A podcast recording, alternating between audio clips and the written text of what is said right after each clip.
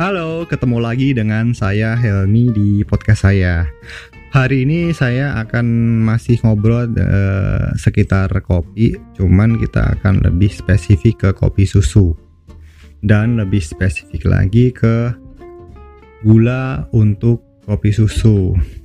Banyak pertanyaan ke saya, uh, gula apa sih yang cocok untuk kopi susu?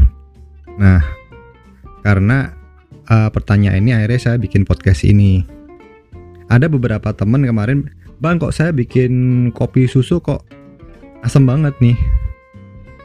Uh, gulanya apa? Oh, gula pasir, uh, gula Jawa, ada yang pakai gula aren, ada pula yang menggunakan SKM. Nah, uh, ini agak terkait, ini terkait ya, terkait dengan Pilihan kopi. Kalau kita menggunakan kopi robusta, uh, gula yang dipilih nggak akan terlalu bermasalah ya. Namun kalau kita menggunakan kopi arabica atau blend yang notabene ada komposisi arabikanya, nah ini perlu perhatian khusus. Uh, karena gini, kopi arabica itu ketika ketemu dengan gula itu acidnya akan nambah. Padahal kopi arabica sendiri dia sudah punya kadar asid tertentu.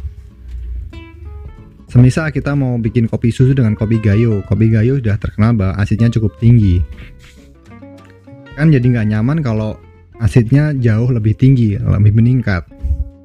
Nah, terus bagaimana caranya kita bisa bikin kopi susu tapi asidnya nggak ningkat? Justru malah enak.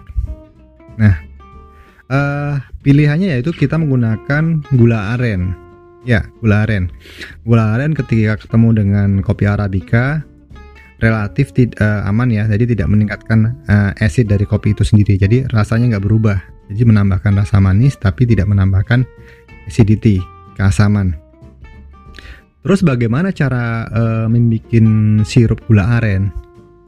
Caranya tuh sederhana sekali ya uh, dibutuh kalau kita ingin bikin sirup kita hanya membutuhkan 1 liter air dan 1 kg gula aren. Ketika kita ngebikinnya tolong gula aren ini silahkan diparut dahulu atau dipotong kecil-kecil. Mengapa? Kan nggak lucu kalau kita ngerebusnya uh, gula airnya cair tapi airnya habis. kan bukan sirup jadinya. Jadi uh, silahkan potong kecil-kecil atau parut dan kita siapkan airnya. Ketika air mendidih silahkan masukkan gula aren uh, dan silahkan aduk pelan-pelan sampai larut. Ketika sudah cukup mendidih, dinginkan.